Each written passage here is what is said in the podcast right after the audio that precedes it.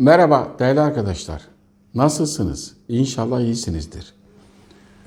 Arkadaşlar bugün sizlere Amerika Birleşik Devletleri'nin Dışişleri Bakanlığı'nın bir açıklaması var. Eğer doğruysa diyor. Bunun ne anlama geldiğini, bölgemize nasıl yansıyacağını dan hareketle şöyle bir jeopolitik dünyadan jeopolitik olarak neler oluyor kısa bir değerlendirme yapacağım. Karada 13 şehidimizle ilgili Amerika Birleşik Devletleri'nde bir açıklama geldi. Eğer doğruysa PKK'yı kınıyoruz dedi. Eğer doğruysa sanki şu ana kadar binlerce şehidimiz olmamış gibi, hiç suç işlememiş gibi. Arkasından Cumhurbaşkanı Erdoğan çok sert tepki gösterdi. Siz hani siz PKK'yı desteklemiyordunuz diye. Uluslararası alanda ciddi yankı buldu bu. Kimse böyle bir çıkış beklemiyordu. Amerika Birleşik Devletleri'nin Büyükelçisi Dışişleri Bakanlığı'na çağrıldı. Gerekli belgeler gösterildi. Arkasından Amerika'dan yeni bir açıklama geldi. PKK'yı kınıyoruz açıklaması. Hem PKK'yı kınıyoruz diyorlar hem de binlerce tır silah yardımı yapıyorlar. Böyle bir ülkeyle karşı karşıyayız. Amerika'nın bu geri adımı dünya medyasında yankılandı. Yani e, Amerika'da, Avrupa'da, Arap dünyasında yankı buldu. İsrail'de farklı başlıklar atıldı. Erdoğan Amerika'ya geri adım attırdı. Başlık Türkiye Amerika'ya geri adım attırdı. Başlık e, Amerika Türkiye ile diplomatik problemi çözmeye çalışıyor. Başlık buna benzer. Bu Joe Biden ekibinin bu açıklama ne kadar sorumsuz olduğunu gösteriyor ve bu bölgede Türkiye'ye bakışlarını gösteriyor. Şimdi buna paralel bir Brookings Enstitüsü'nün bir Türkiye raporu yayınlandı bugünlerde. Amerika'da sistem şöyledir arkadaşlar. Bir hükümet başa geldiğinde Amerika'da 2500'den fazla think tank var ama her hükümet te yakın think tanklar var. Brookings Enstitüsü e, Joe Biden ekibine yakın. Onların muhtemelen sipariş edilmiştir bu açık, bu rapor. Orada önemli maddeler var. Bunların ne anlama geldiğini açıklayacağım. Bir, Türkiye Batı'yı gerilemekte olan bir düşman görüyor. Türkiye bağımsız hareket ediyor. Türkiye'nin burnu çırpırmalı. Bu, bu cümle değil ama ifade sonuçta buraya geliyor. Türkiye'nin, Joe Biden'ın Amerika'nın hasımlarıyla ekonomik yönden yaptırım uygulama yasası katsayı daha etkin Türkiye'ye karşı kullanması gerek, Türkiye'ye diz çöktürmesi gerek diyor. Ayrıca e, demokratik bir seçimle iş başına gelecek yeni bir hükümetin batı yanlısı olmadığı muhatap olmak lazım. Ne demek demokratik? Türkiye'de seçimler antidemokratik mi? Amerika'daki seçimleri gördük. 100 milyondan fazla mektuplu oy var. Mektuplu oy mu olur? Ve Trump bağırdı hile var burada şeklinde. E, sonra susturdular. Ve Amerikan demokrasi dedikleri Beyaz Sarayı bastılar. Gidip e, Temsilciler Meclisi'nin ofis, Nancy Pelosi'nin ofisine oturup poz verdi adamlar. E, alt üst oldu Amerika. Her eyalette farklı bir ses çıkıyor. Kalkmışlar Türkiye'ye iktidarı değiştirin diye rapor hazırlıyor Brookings Enstitüsü. Sanki Türkiye'de muhalefet geldi, Türkiye'yi satacak. Arkadaşlar kim iktidar olursa olsun devletin bir çizgisi var. O çizgiyi değiştirmez. Türkiye'nin milli menfaatlerine asla e, zarar verecek bir hareket çekilmez. Zaten iktidara gelen de bunu yapmaz. İktidara geldiğinde başka olur. HDP şey PKK uzantısı parti hariç her parti iktidara geldiğinde dış politikada atılacak adımlar bellidir. Türkiye güvenlik konseptini belirledi. Ne doğu ne batı. Merkez Türkiye. Ve Türkiye'nin Rusya ile ilişkisinde Batı'nın Türkiye'ye yaklaşımı belirleyici oldu. Yani petrolitleri çekip götürdüler. Bir de öneri yapmıyorlar. Peki ne neyle biz hava savunma sistemimizi koruyacağız? Hava savunma sistemi konusunda ciddi yerli çalışmalar var. Peki neyle koruyacağız? Şimdi ne yapıyorlar başka? Heseke'de Suriye'nin Türkiye sınırının en doğusunda Irak, Türkiye, Suriye üçgeninde yeni bir üs inşa ediyorlar. Diyorlar ki bu üstten biz bölgedeki artan IŞİD'le mücadele edeceğiz ve İran unsurlarıyla mücadele edeceğiz. Enteresan bir durum var. Joe Biden'ın seçilmesiyle beraber IŞİD faaliyetleri arttı. Bunun anlamı şu. Mesela örnek vereyim. Dün e, Kuzey Irak'ta Erbil havalanına 3 tane roket atıldı. İkisi Amerikan üssüne yakın bir yere düştü. Arkasından bu silah sevkiyatı başladı. Arkasından bu yeni üs açıklamaları yaptı. Yani birileri IŞİD adına operasyon yapıyor sanki. Zaten böyledir sistem. Gideceği yere kılıfını da beraber hazırlar. Bunu çok iyi takip etmemiz gerek. Çünkü Brooklyn Enstitüsü'nün açıkladığı e, Türkiye'de demokratik bir seçim ve yeni bir iktidar kavramının altı daha önce Joe Biden'ın New York Times gazetesine verdiği bir röportaj vardı. Türkiye'de Erdoğan'a darbe yapılmalı ama bu sandık ve seçim darbesi olmalı şeklinde. Buradan neyi anlıyoruz? Önümüzdeki süreçte Türkiye'de sözde aydın, bilim adamı her kimse batı kaynaklı e, farklı açıklamaları göreceğiz. Şu Gara olayında bile Gara olayı müthiş bir operasyondu. Eğer çılgın Türk denecekse o operasyonları yapanlara dememiz lazım. Kahramanlara dememiz lazım. Çünkü gecenin 2.55'inde dağların arasında gidip karlı havada helikopterden asker indirmek bu herkesin yapabileceği bir iş değil. Bunun anlamı büyük. Anlamı ne bunun? Bunun anlamı artık hangi dağda olursanız olsun biz sizi yakalayacağız. Şimdi Kürtler adına savunma yapıyoruz diyerekten Batı'nın maşası olarak sahneye çıkan terör örgütünün böyle bir savaşı kazanma şansı zaten yok. Son 5 yıldır Türkiye'nin savunma sanayinde çok ciddi bir gelişme oldu. Devletin açıklamadığı, önümüzdeki dönemde açıklayacağı yeni teknolojiler de var. Şimdi e, hatırlayın bakalım ilk saldırıda 84 yaşı müsait olanı hatırlar. O dönemde Türkiye'nin imkanları belliydi. Böyle bir şey beklemiyordu. Ama aynı zamanda hücrelerimize kadar girmiş bir FETÖ e, istihbarat mekanizması vardı. Tüm adımlarımızı anında dışarıya uçuran. Bu kara olayında da enteresan bir durum olabilir. Çok detayına girmeyeceğim. Türkiye'nin istihbarat mekanizmasına çok sıkı dikkat etmesi gerekiyor. Şimdi e, geliştirilen yeni teknoloji sadece İHA, SİHA değil arkadaşlar. Gece görüşlü dürbünlerden tutun da robot silahlara kadar çok hızlı geliştiriliyor. Zaten savaşın niteliği değişiyor. 3 ee, yıl önce Güney Kore'de bir üniversiteye bir araştırma birim, araştırma enstitüsüne bir sipariş veriyor bir şirket. Robot asker yani sahada savaşacak. Merak ettim bu robot asker nerede savaşmak, savaştırılacak diye. Siparişi veren eski adı akademi, e, Blackwater yeni adı akademi olan Amerika'nın paralı askerlerinin oluşturduğu bir şirket. Şirket Suriye'nin kuzeyinde, Irak'ın kuzeyinde bu robot askerlerini kullanmak istediğini söylüyor. Güney Kore'de tartışmalar başlıyor ve çalışanlar diyor ki biz böyle bir şeye hizmet etmek istemiyoruz diye. Enteresan değil mi? Yani önümüzdeki dönemde sınırımızda robot askerleri görme ihtimalimiz var. Şimdi biz bilgisayar oyunları oynuyoruz ya bu oyunlarda hamle yapıyoruz robotlarla. Yapay zeka tüm bu hamleleri alıp savaşçı robotların geliştirmesinde kullanıyor. Hepsi veri olaraktan bunların depolanıyor. Amerika'nın Brooklyn Enstitüsü bir şey daha söylüyor. Diyor ki Türkiye'nin davranışlarından muzdarip olan ülkeleri bir araya getirsin Joe Biden ekibi ve Türkiye'ye karşı yeni bir pak oluştursun. E zaten getiriyor Doğu Akdeniz'de. Doğu Akdeniz Enerji Forumu'nda karşımızda kim varsa var.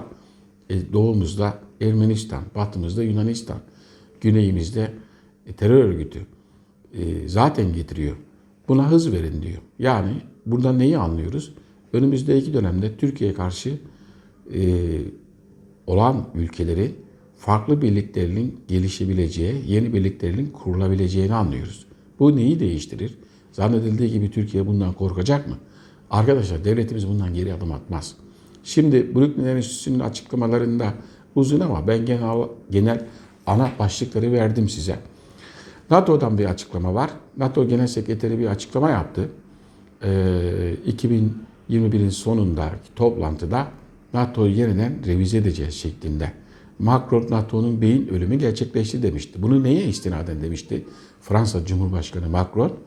E Türkiye NATO'ya rağmen Suriye'de gitti bir operasyon yaptı. NATO'yu dinlemiyor. Tamam da Türkiye'ye NATO rağmen Türkiye saldırı yapmıyor ki savunma yapıyor. Türkiye o bölgedeki korumasız insanları koruyor. Batı, batıyı doğru anlamamız lazım. Kendi içinde farklı, dışarıya farklı. Ee, modernlik dediğimiz şey ya da işte batı dediğimiz şey bize ışıl ışıl anlatıldı ama e, batının şu an e, As, Afro-Avrasya'da, Afrika'da, Asya'da, e, Güney Amerika'da birçok ulus devletin yeraltı kaynaklarını hangi şirketler sömürüyor, el koyuyor? Hangi ülkenin askerleri var? Silahlar hangi ülkelerin? Türkiye'deki gazeteci arkadaşların bunlar üzerine çalışıp halkı bilgilendirmesinde fayda var. Hangi ülkede kaç darbe olmuş, kaç suikast olmuş, bunu kimler yapmış? Bu bilgilerin ihtiyacımız var bizim. Dolayısıyla Batı ile ilişki biçiminde eyvallah diplomatik ilişkimiz var, teknolojik ticari ilişkimiz var. İnsani noktasında Türkiye'nin yanından bile geçemezler. Merhamet vicdan noktasında. New York Times'ta çıkan bir makale var arkadaşlar birkaç gün önce. Makalede dün hatta makalede diyor ki Afrin'e gelmişler, incelemişler. Türkiye bölgeye hayat veriyor diyor. Afrin'deki yaşamı incelediklerinde Batı'nın yıkıp yaktığını aslında onu ima ediyorlar. Ama Türkiye'nin hayat kurtardığını, 5,5 milyon mülteciyi ev sahibi yaptığını, Türkiye'nin davranışları belli. Mehmetçiğin gördüğü çocuklara çikolata verip başını okşayan, seven, merhametli bir milletiz biz. Ve Halep'te, Musul'da, Bosna'da nelerin olduğunu gördük. İnşa eden tek bir ülke var. Tüm Afro-Avrasya'da yardım noktasında kendi e, gayri safi milli hasılatına göre dünyada yardımda birinci ülkeyiz biz arkadaşlar. Bu nedenle Türk milleti daima insanlığın vicdanı olmuştur diyorum. Türkler tarih boyunca kurmuş olduğu imparatorluklarda, devletlerde din, dil, ırk kimseye yardım etmemiştir. Herkese adaletli davranmıştır.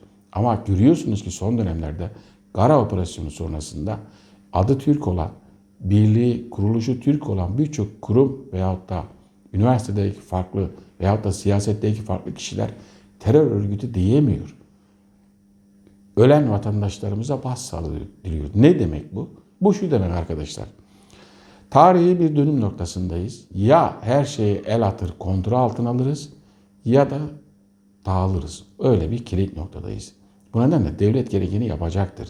Türkiye içinde Türk görünüp, bizden görünüp ama Türklere, sivil halka operasyon yapan, arkadan vuran, içeriden vuran her kim varsa devlet önümüzdeki dönemde kulağından tutacaktır. Şimdi Brooklyn Enstitüsü'nün raporunda bir de NATO vurgusu var. Diyor ki Türkiye diyor Türkiye'nin kendi bölgesindeki NATO projelerinde Ankara'nın veto yetkisi bir şekilde engellenmeli diyor. Ne demek yani? Türk NATO gelecek, Türkiye'nin de üye olduğu kendi bölgemizde bize sormadan iş mi yapabilecek? Böyle bir şey mümkün değil arkadaşlar. Ee, bir de Türkiye'nin yakın işbirliği olduğu coğrafyada Rusya var. Batı'nın Rusya ile ilişkisi de aynen Türkiye'ye benzer. Kremlin sözcüsü, sözcüsü Dimitri Peskov ilginç bir açıklama yaptı. Biz Batı'ya, Avrupa'ya el uzattıkça onlar manyakça bir yaptırım peşinde eğer böyle devam ederlerse ilişkiyi keseriz dedi. Yani bu diplomasinin son noktasıdır.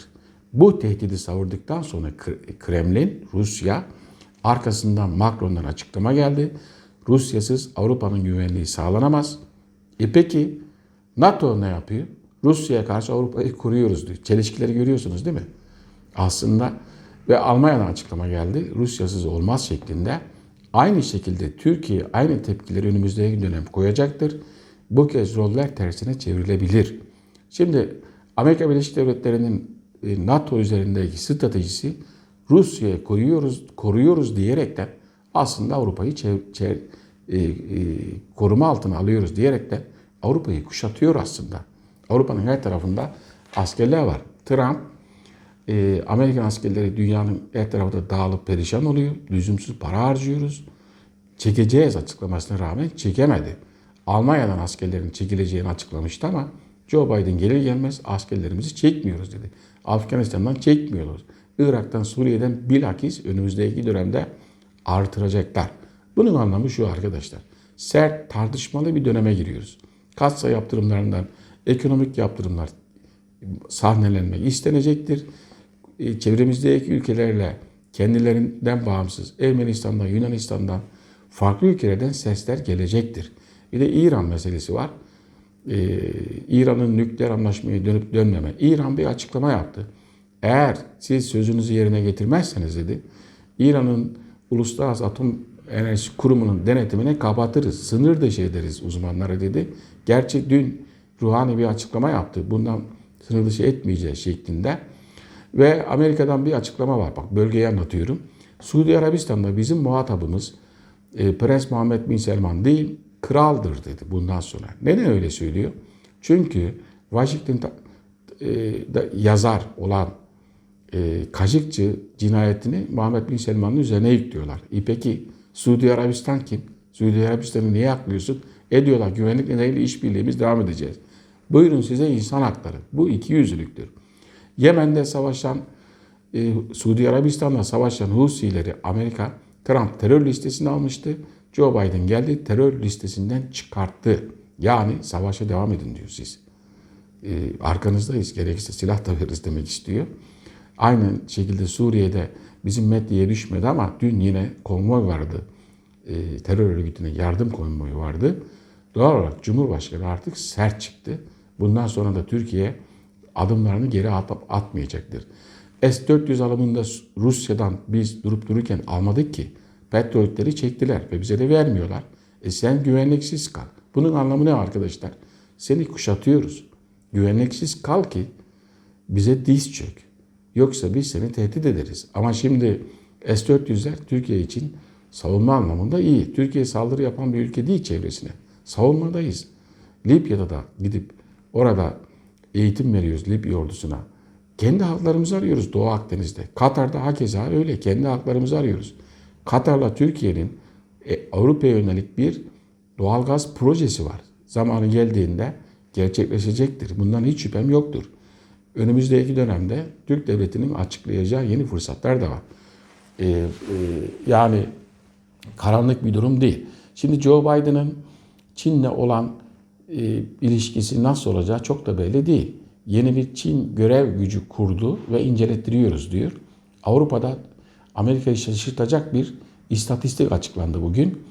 Ee, Avrupa Birliği ile ticari ilişkide Çin Amerika Birleşik Devletleri'ni geride bıraktı. Avrupa Birliği ile 709 milyar dolar bir ticari hacmi var.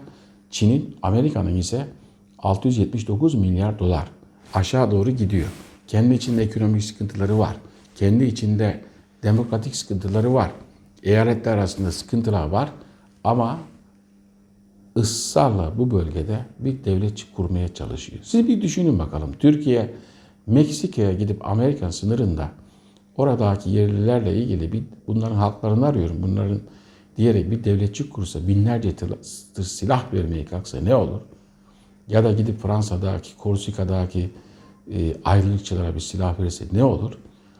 Bu nedenle bizim Batı'yı artık doğru anlama zamanımız geldi. Millete de bunu doğru anlatmamız lazım. Çünkü dünyanın yüzde onu olan Batı, Afro-Avrasya'da yeraltı kaynaklarına bir şekilde el koymak için sürekli fitne çıkartıp halkları, milletleri birbirine düşürüp kargaşa çıkartaraktan onun üstüne bir de demokrasi, insan hakları filan diyerekten üste çıkıp oradaki kaynağı alma peşinde. Batı budur arkadaşlar.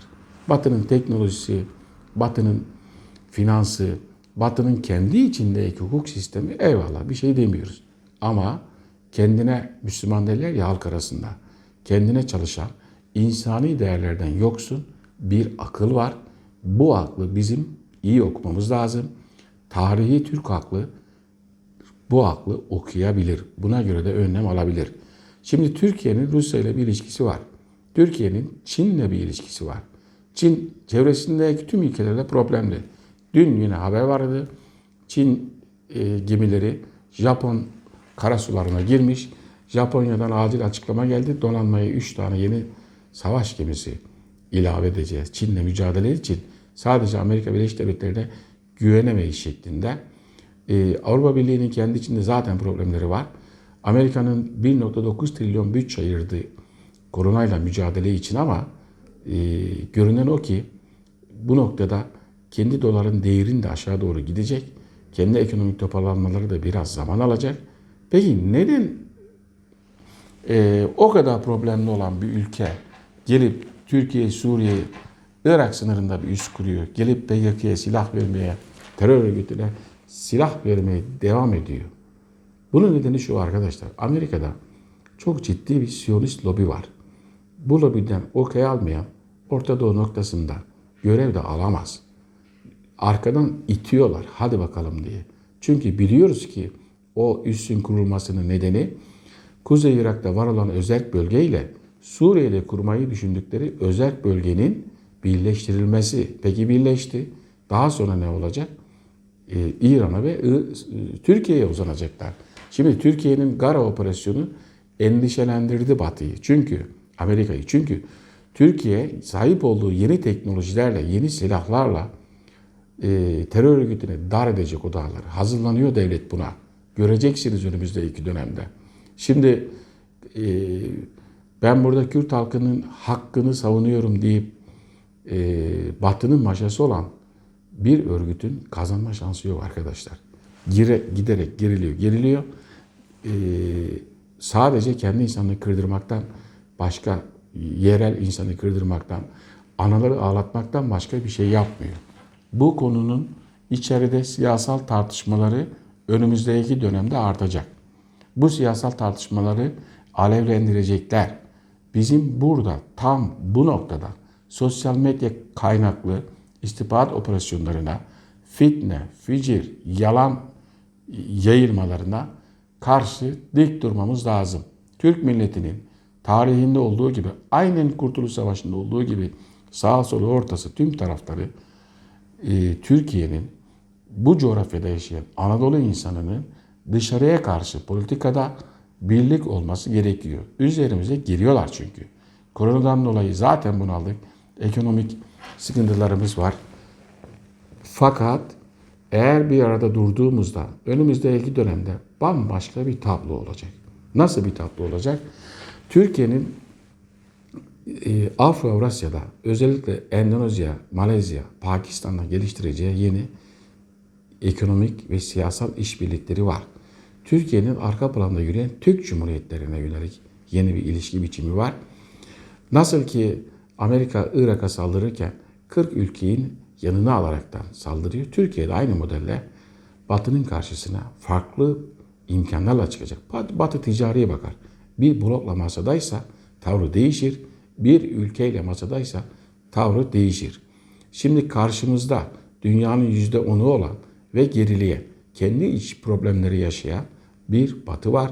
Dünyanın yüzde onu, dünyanın geri kalan yüzde doksanına illallah dedirdi son 100 yıldır. Bu sürecin sonuna doğru geliyoruz. Geldiğimizi düşünüyorum. İçerideki tartışmalara dikkat etmemiz gerekiyor. Şimdi e, Avrupa Birliği'nin Türkiye'ye yaklaşımı e, Joe Biden'ın istediği gibi olmayacak. Çünkü kendi içinde Türkiye ile ilişkileri olan Avrupa'nın güvenliği için Türkiye'nin ne kadar önemli olduğunu biliyorlar. Ayrıca Avrupa'nın arkasındaki patronlar ağırlıklı Çin'in bir kuşak bir yol projesinin yatırımcıları. Türkiye kilit noktada bu nedenle ekranlarda olumsuz konuşup konuşanların büyük çoğunluğu moral motivasyonu kırmaktır.